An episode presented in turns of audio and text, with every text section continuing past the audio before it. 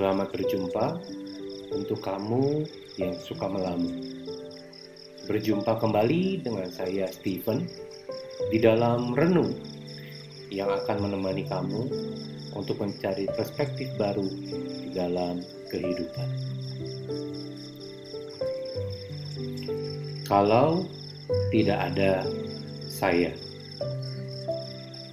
karena kita ini buatan Allah, diciptakan dalam Kristus Yesus untuk melakukan pekerjaan baik yang dipersiapkan Allah sebelumnya. Ia mau supaya kita hidup di dalamnya. Kalau tidak ada saya, seberapa sering kita mendengar kata-kata itu muncul dari rekan-rekan kita yang menganggap sebuah pekerjaan baik adalah murni buat tangannya. Kalau tidak ada saya, seberapa sering kita mendengar kata-kata itu terlontar dari rekan-rekan kita sebagai peringatan apa yang akan kita alami apabila tidak ada dia. Kalau tidak ada saya, seberapa sering kita mendengar kata-kata itu terlontar dari rekan-rekan kita sebagai ancaman apa yang kita akan alami apabila tidak ada dia. Kalau tidak ada saya, seberapa sering kita juga terprovokasi oleh kata-kata tersebut untuk kemudian menundukkan kepala kita karena menganggap si pengucap memiliki jasa lebih dibanding kita.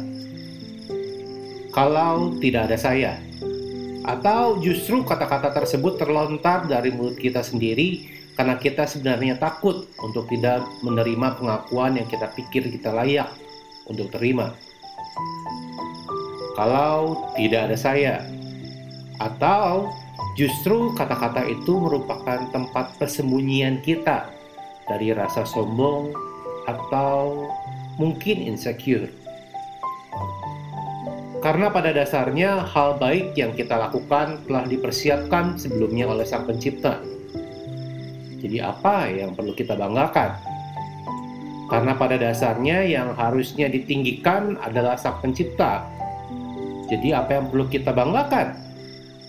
Kita hanya alatnya, salurannya untuk kemuliaannya. Karena pada dasarnya apa yang terbaik kita dapat lakukan adalah sebuah keharusan dan sebuah kesempatan. Karena pada hakikatnya kehidupan kita adalah melakukan pekerjaan baik sebagai sebuah tanggung jawab. Kita hanya alatnya, salurannya, dan untuk kemuliaannya.